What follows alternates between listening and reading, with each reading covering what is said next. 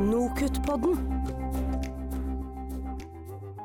Velkommen til en ny episode av Nokutt-podden. Mitt navn er Anna Kollard, og med meg her i studio sitter Inger Lise Kalviknes Bore. Hei, Anna. Og i dag har vi fått med oss to deltakere som skal dele erfaringer med en ordning de har vært med på, som går ut på å hjelpe førsteårsstudenter med å lykkes i krevende fag. Og hva er eh, dette her, Inger Lise? Eh, jo, Universitetet i Sørøst-Norge har en ordning som de kaller OLA-ordningen. Den forkortelsen står for Onboarding Learning Alliance. Og hensikten med den ordningen er å hjelpe studentene inn i et sosialt og faglig fellesskap. Dette blir spennende å høre om. Ja, og med oss til å fortelle om Ola-ordningen har vi Hanne Viken, prosjektleder for ordningen, og så er det student og læringsfasilitator Maria Løken Westerlund. Velkommen til dere. Tusen takk. Takk. Ja, og kan du, Hanne, si litt kort om hva Ola-ordningen egentlig er? Jeg syns dere sa det så fint eh, innledningsvis. Det er jo eh, en ordning som har eh, sitt utspring i et gjennomstrømningsprosjekt på USN.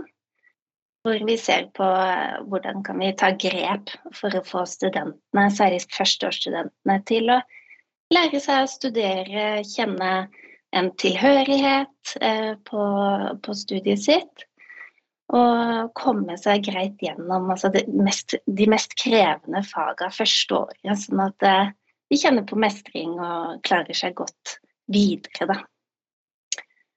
Så eh, det er jo gode, gamle kollokviegrupper som, eh, som, vi jobber med. I en litt eh, kanskje sånn strukturert og profesjonalisert form, da. Hvor vi ansetter studenter som har hatt emnet før og har klart seg godt i emnet, og som søker stilling inn i OLA-ordningen. Eh, og da blir de kursa i fasilitering, i studentaktive læringsformer. Og er ute og holder, eh, holder i en studentgruppe gjennom semesteret. Eh, helt frem til eksamen. Uten å være en lærer. Så dette er en ordning på utsiden av ordinær undervisning. Maria, du er en eh, læringsfasilitator. Kan du fortelle litt om, om hva, hva ligger i denne rollen? Hva er det for noe? Eh, jeg jobbet som læringsfasilitator tidligere, eh, og har vært så heldig og fått lov til å gå litt videre opp på trappa nå. Så akkurat nå så jobber jeg med å ha ansvar for læringsfasilitatorene. Men jeg har tidligere jobbet som læringsfasilitator ved, eh, ved barnehagelærerutdanningen eh, ved USN. Og hatt ekstremt god erfaring eh, med det. det. Jeg har jo også vært førsteårsstudent, og da var beklageligvis ikke Ola oppe og gikk på USN ennå. Og jeg kjenner at når jeg selv fikk lov til å komme inn i rollen som læringsfasilitator, så tenker jeg at det var dette jeg skulle hatt når jeg var førsteårsstudent. For da var jeg veldig opptatt av at vi fikk vi fikk leselister, og veldig, det var mye fokus på dette med pensum. Og jeg var veldig opptatt av å sitte og lese, eh, og så stryke ut alt jeg leste, og følte liksom at det var mestring når jeg hadde lest det. Gjennomført, check, ikke sant. Eh, og så lærte jeg, og jeg erfarte etter hvert, at det handla mer om ikke nødvendigvis det å lese mest mulig, men det å lese best mulig. Det å jobbe med faget sitt på best mulig måte. Og det tok litt tid for meg. Um, og det erfarte jeg da når jeg kom inn i denne læringsfasilitatorrollen, at det var så fint å kunne være tidlig på ballen uh, i forhold til disse førsteårsstudentene. Og kunne uh, dele de erfaringene med dem, og det å kunne uh, få de til å liksom tenne den gnisten i forhold til hvordan jobber vi best mulig med faget vårt. I forhold til at ja, det er mye som skal leses, men, men er det utelukkende den måten vi skal Eh, eh, jobbe med pensumet vårt på. Da. Så det å få studentene til å ha gode erfaringer med ulike arbeidsmetoder da, i forhold til dette med eh, hvordan vi jobber med pensumet mellom forelesningene. Det er litt sånn, Vi pleier å kalle det litt sånn jobbe med eh, helt sånn forenkla, det å gjøre leksene sammen. Eh, hvordan gjør vi dette utenfor, mellom forelesningene våre? Eh, og som læringsfasilitator da, så er det viktig å eh, skille på dette i forhold til en studentassistent, som er mer en, en støtte for foreleseren, egentlig, så er eh, læringsfasilitatoren heller en, en, støtte for studenten.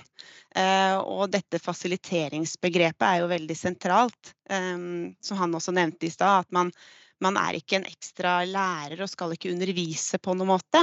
Men det er et, et, eh, et større fokus på dette å, å bruke metoder um, og verktøy på å få i gang en studentaktiv gruppe.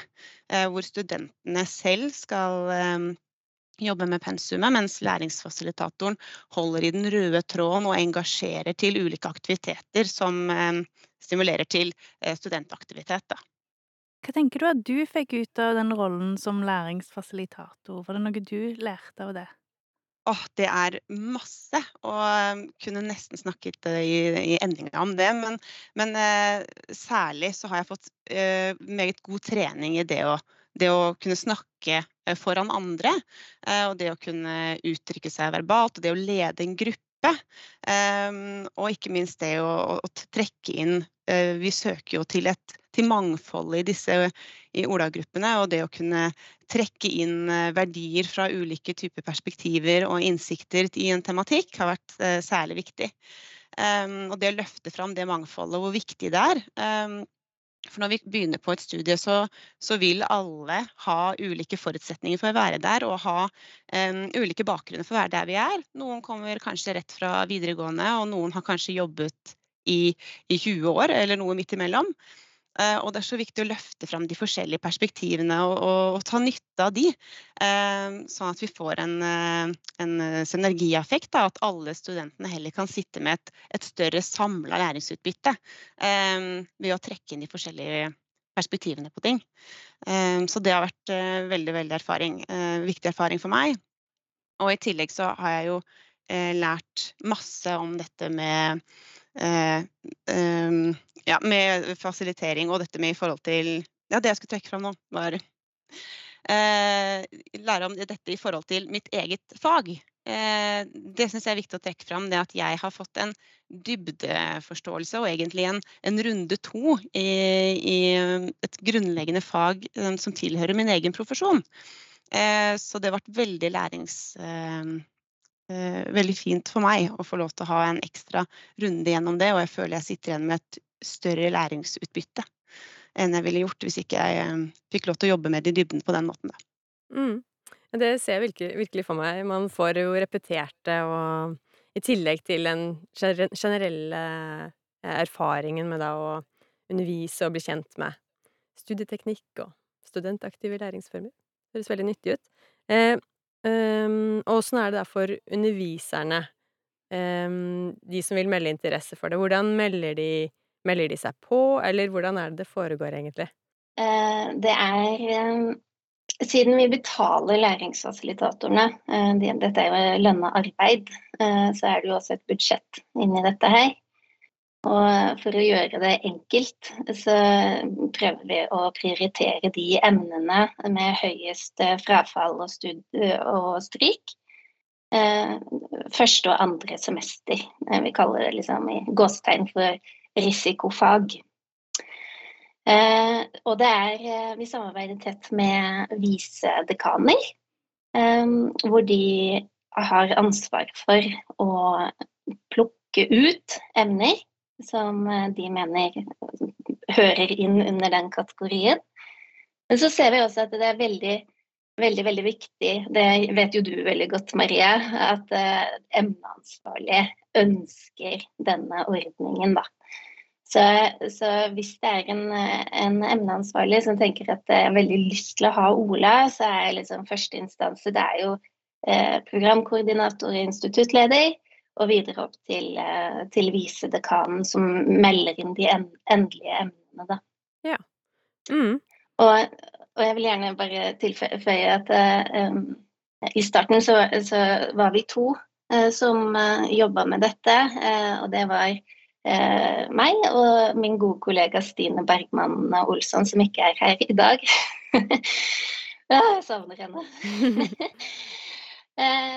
men, men, det er jo ikke vi som lenger gjør Som har den tette dialogen med visedekanene. Og det er veldig spennende, for det er jo Maria og alle de andre eh, OLA-koordinatorene som sitter på hvert sitt fakultet og ordner med dette her og har eh, dialog med emneansvarlig, med programkoordinator, med instituttleder og visedekan. Så, så, dette her er jobben til Maria, som er på uh, fakultetet for uh, Nå må du hjelpe meg. Humaniora, idrett og utdanning. Mm -hmm. Riktig? HiU, som det heter. Og Maria jobber tett med, med de faglige på det fakultetet med disse tingene. Mm. Vil eh, høre litt mer om organisering etter hvert, men eh, du sa noe med at det var eh, emner hvor dere tenker det er en viss risiko for at studenter faller fra, i hvert fall sånn jeg tolket deg. Eh, så eh, Maria, vil du si litt om hva slags tilbakemeldinger dere har fått fra studenter som har vært med på Ola-gruppene? Kollokviegruppene? Mm. Det er jo Tilbakemeldingene går jo mye på på dette at det er så fint å få dette trygge rommet. Eh, hvor, det er, eh, hvor, det føles trygt å kunne rekke opp hånden og si dette skjønte jeg ikke, eller um, denne forelesningen som var i går, den, den, gikk, det gikk litt for fort for meg. Uh, for veldig ofte så sitter veldig mange av studentene i store forelesningssaler med mange titalls studenter, uh, hvor Eh, de foreleserne også er frustrert over at de, det er ikke tilrettelagt for at de klarer å, å practice what they preach. Da, i forhold til det å, vi, vi ønsker så gjerne å legge til rette, men, men, men rammene er ikke sånn. Eh, at vi legger til rette for denne studentaktiviteten i forelesningene våre. Eh, og den dialogen mellom foreleser og studentene også, det er jo eh, det er mange studenter, og det føles ikke kanskje naturlig å her rekke opp hånda og si eh, kan vi ta det en gang til, eller kan du utdype det. Eh, mange vil nok synes det er ubehagelig å trekke fram at i, i Ola-gruppene hvor vi har den ideelle Ola-gruppa kan være på mellom 10 og 15 studenter. hvor vi da har mye fokus på det å lage dette trygge rommet mange av aktivitetene som læringsfasilitatorens jobb eh, er å sette i gang, handler om dette med å lage, skape trygg, eh, en trygg atmosfære. Eh, så det å ha det, det, rommet hvor man kan lufte de utfordringene sine og diskutere sammen med medstudenter, som enten så kan man finne ut av Eh, finne ut eh, løsninger sammen. Eller kanskje det oppstår nye spørsmål som gruppa sammen kan ta med seg inn i neste forelesning. Og si vi har diskutert dette på Ola-møtet, ehm, kan vi løfte fram dette? Og da er man litt mer sånn i samla flokk. Eh, så, mm, så de, dette trygge rommet er særlig viktig, altså. Hanne, jeg hører at dere henta inspirasjon til Ola-ordningen både fra Nokutpodden og fra Sverige. Det er jo veldig gøy. Kan du fortelle litt om det? Ja, ja det kan jeg gjøre. Eh, så eh, det var jo i 2019 eh, at eh, det, det starta med at jeg, jeg, fikk nyss om en uh, metodikk som heter SIPAS, uh, Supplemental Instruction Peer Assisted Study Sessions. Det var Nord universitetet som uh, samarbeida med Lund. Eh, og inviterte da eh, til kurs i supervisor training. Jeg dro på det eh, og synes at dette var veldig veldig interessant. Og det er jo en, en metodikk som er utbredt. De sier at det er rundt 1500 universiteter i verden som bruker denne metoden, i, altså med forskjellige navn. Du har litt sånn PAL, og noen kaller det bare SI, og noen kaller det bare PASS. og men felles, eh, felles, for det er, at det handler om studentaktivitet i kollokviegrupper. Så dette er et eh, område som det er mye forska på. Eh, og det er jo en god støtte for oss. Så selv om, selv om vi nå har videreutvikla og jeg kaller det for USN-ifiserte, sånn at det passer godt inn hos oss, sånn at det blir bærekraftig hos oss, men så, eh, så, samtidig så fikk jeg jo nyss om denne NOKUT-podden og hørte på den og ble kjempebegeistra. Jeg tror jeg hørte hva var den het? 'Studenter som underviser', tror jeg den het. Den, ja. Eh, og der syns jeg det var Jeg tror jeg har hørt den i hvert fall ti ganger. Ble veldig, veldig begeistra.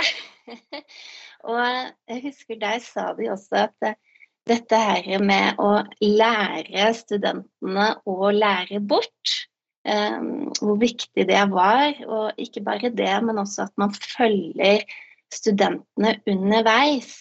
Så det har vi tatt veldig til oss eh, helt fra vi starta i 2019 med en liten pilot. Eh, så har vi tatt, tatt, til oss dette her, da. Eh, de rådene som vi fikk i denne podkasten. Så det er litt morsomt at vi sitter her nå. Veldig gøy å, å, høre mer om det. Stemmer det at dere er, det Lund universitet dere har et samarbeid med òg? Ja, det stemmer. Eh, vi får utrolig god hjelp fra Lund. Så Lund er jo det europeiske senteret for Resipass. Eh, det, det, det, det internasjonale senteret ligger i Missouri, hvor det, hvor det starta opp. Eh, og eh, vi har ganske tett samarbeid med det europeiske senteret. Og vi var jo på tur. Vi var jo på, på tur med, med, med Lund eh, her i, her i, høst, hvor Maria også var med. Kan, ja, kan ikke du fortelle litt, Maria, om Det er så utrolig hyggelig, jeg må si det da, at det er så utrolig hyggelig at vi har ledere som sier ja, bare dra og ta med dere disse studentene og do your thing. Så det var jo liten, et lite steg ut også for deg da, Maria, å se, eh, se oss i, sammen med, med, andre miljøer, universiteter som jobber med de samme tingene som det vi gjør. Ja, det var veldig, veldig spennende, og det var jo en eh Eh, stor stas å få lov til å være med eh, på dette og få lov til å se hvordan det fungerer utenfor eh, USNs fire vegger også. Jeg vet ikke helt hva jeg hadde jeg er litt sånn usikker på. Jeg var veldig spent og litt, sånn, litt uvitende til hva vi gikk til. ikke sant? Jeg har ikke vært på sånn type på reise eller egentlig utforska eh, SI-pass-metodikken eller hvordan vi jobber i Ola egentlig utenfor eh, USN. Så det var veldig, veldig er spennende, og jeg var veldig spent. Eh, og det jeg erfarte når vi kom dit, det var jo at jeg blei eh, veldig, veldig stolt av hva USN har fått til med, med Ola. For det var eh, Vi så det, det kom veldig tydelig fram at her, her, har vi gjort noe riktig, her har vi fått til veldig mye. Eh, det var eh, Eh, ledelsen i Ola, Hanne og Stine, sto jo oppe og skulle, skulle presentere litt om hvordan vi jobber på USN, og blei møtt eh, mer eller mindre med trampeklapp. Eh, og det syns jeg vi skal si med, med å være stolte av, for det syns jeg var veldig, veldig Veldig veldig gøy å se. Og vi var også flere studenter som var med på den turen. Og det var veldig synlig at um, andre universiteter og skoler som var representert, um, kom eh, De var mer beskjedne i delegasjonene sine, kan du si. Eh, de hadde sendt en og annen representant, og vi, vi kom en hel gjeng. Og jeg tror det er en av grunnene til at det, um, dette fungerer så godt uh, hos oss. Uh, for det, det, satses på det, og det inkluderes. og studentene løftes fram hele tiden. Eh, det er jo som Hanne sier, at, eh, at det er mye av jobben nå som ligger eh, ut til de forskjellige emnene, og, og det ligger på studentene. Så, så det, og det er vi som studenter som har startet som læringsfasilitator og hatt muligheten nå til å få lov til å jobbe oss oppover, det, en, en kjempe, det har gitt kjempemange muligheter og utviklingsmuligheter. Og, og, det er kjempeviktig å kunne få den tilliten til å få lov til å, å, å få det ansvaret da, til å vokse med oppgaven.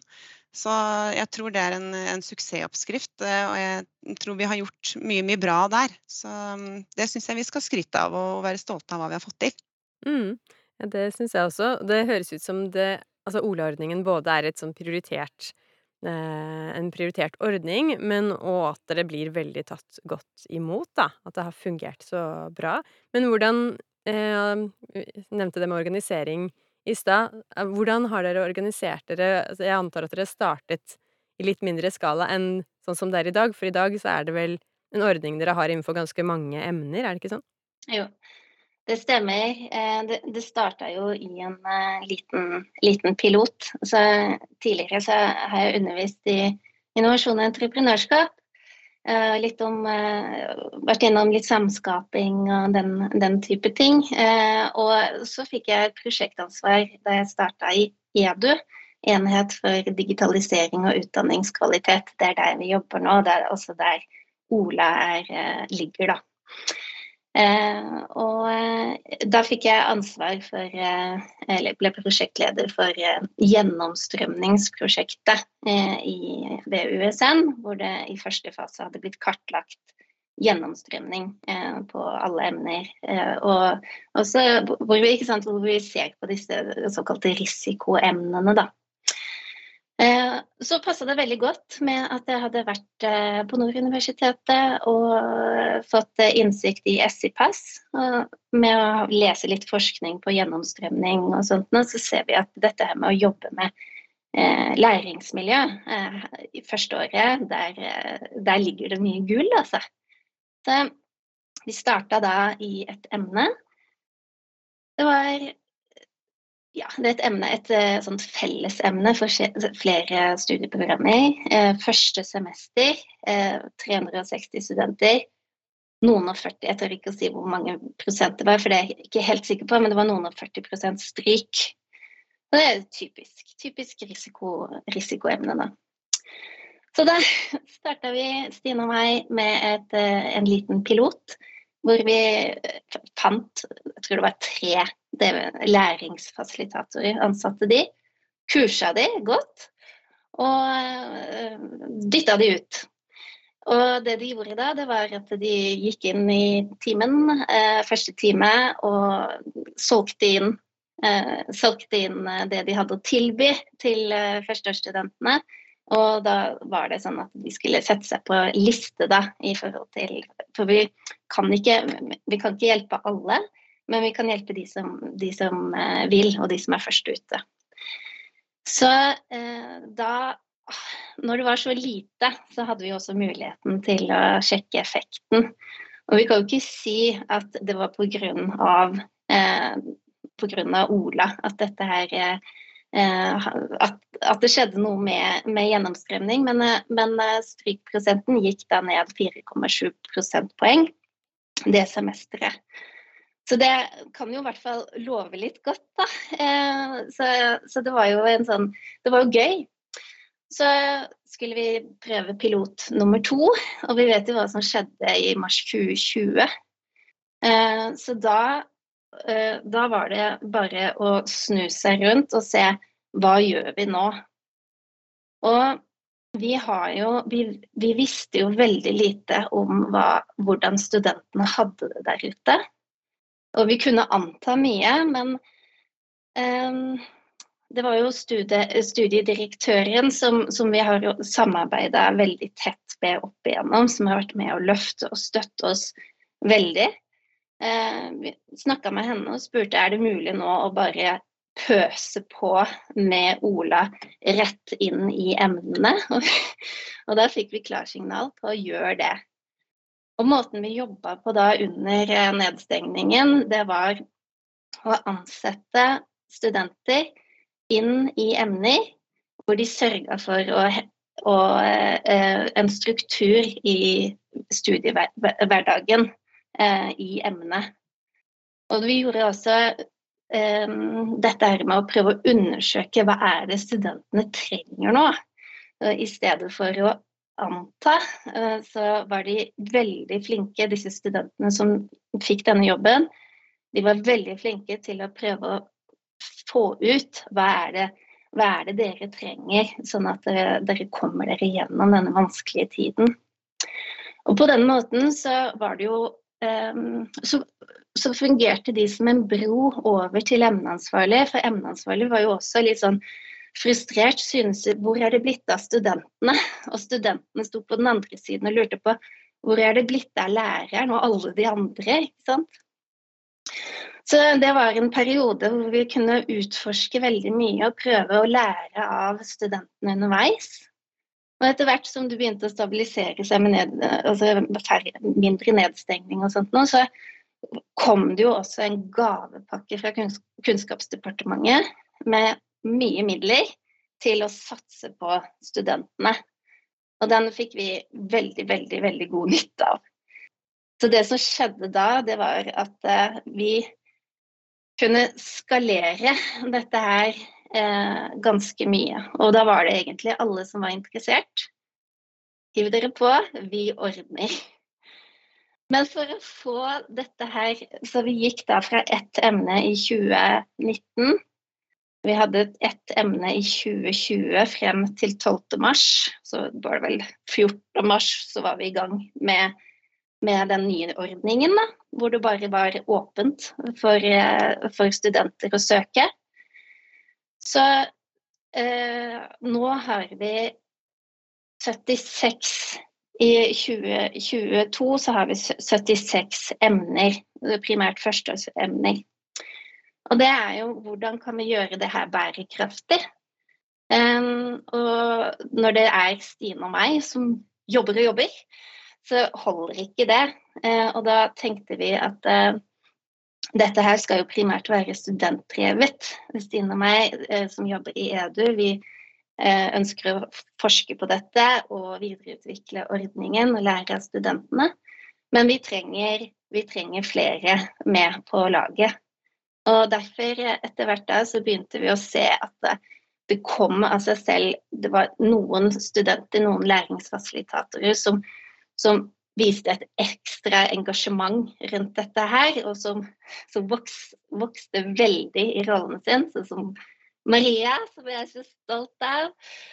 Eh, og vi tenkte hva med å gi disse her eh, enda mer ansvar? Eh, og det har vært uh, Så vi har pilotert semester for semester for å prøve å få til, få til en, uh, en, ordning som passer for alle. Og så er jo det en utfordring òg, når du sitter, sitter, på toppen og det er så utrolig forskjellige fag. Vi har jo folkekunst og statistikk. så det er hvordan kan vi gjøre Hvordan kan vi lage en ordning som passer Eh, til alle studenter, både de faglig sterke og de som ikke er det, og de som studerer eh, historie og de som har eh, sykepleie. Så en OLA-koordinator ble jo da henta inn for å kunne nettopp det som dere sa i den podkasten deres, studenter som underviser, følge opp studentene og finne frem til de beste studentaktive læringsformene som passer inn i deres emne. Så det har vi pilotert, og vi prøver å, å finne gode måter for å løse den nøtta på. Og det, det, der får vi en veldig god jobb fra Ola-koordinator. Det høres ut som dette handler mye om eh, tilpasning. Tilpasning av en internasjonal ordning til USN-konteksten, men òg tilpassing av et USN-opplegg til emnekontekstene. Jeg pleier alltid i, i disse episodene prøve å få med oss litt tips til lytterne. Og da tenkte jeg, Maria, kan du si litt om hva, hva bør en tenke på, hva bør en legge vekt på i, i kursing og støtte av, av, læringsfasilitatorer? Hva trenger de? Oh, det har vi gjort oss opp um, erfaringer om, at det handler om å være, være tett på. Eh, eh, for vi innser jo det at når vi ved ansetter læringsfasilitatorer, så ansetter vi jo de faktisk ut i, i, ingenting. Det er jo ikke noe arbeidsplass. Altså, det, studentene er de nye studenter for hvert semester.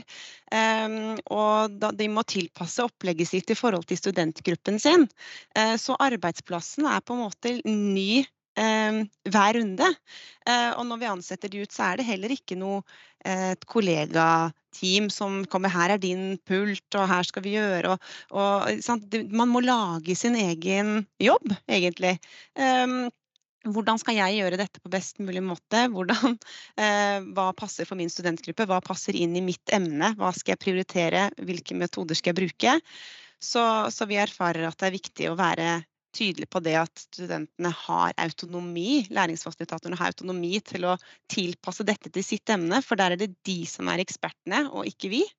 Um, og at uh, Ola sentralt må være tett på og, og følge opp de som, som sitter ute uh, og er ute hos studentene, og, og være et, lage et, skape et kollege for dem. da. Sånn at man har noen å, sp å spare med, de også, sånn som studentene har. Ja, så da er det både det med autonomi, studentene skal få påvirke det, men også at eh, dere andre må være tett på dem, da. Mm. Høres ut som gode tips. Eh, og det var jo egentlig det vi rakk for denne gangen. Eh, og hvis du som lytter fikk lyst til å høre den episoden som eh, Hanne snakket om, så er det episode åtte, som handler om, eh, den, om studenter som underviser, altså. Om opplæring av seminarledere. Eh, og ellers så tenkte vi å legge inn en lenke til Ola-ordningen, eh, der hvor dere finner podden. Og jeg anbefaler virkelig å ta en titt på den, for der var det veldig mye matnyttig eh, informasjon. Og så gjenstår det bare å si takk for nå, og på gjensyn. Ha det. Nokutt-podden.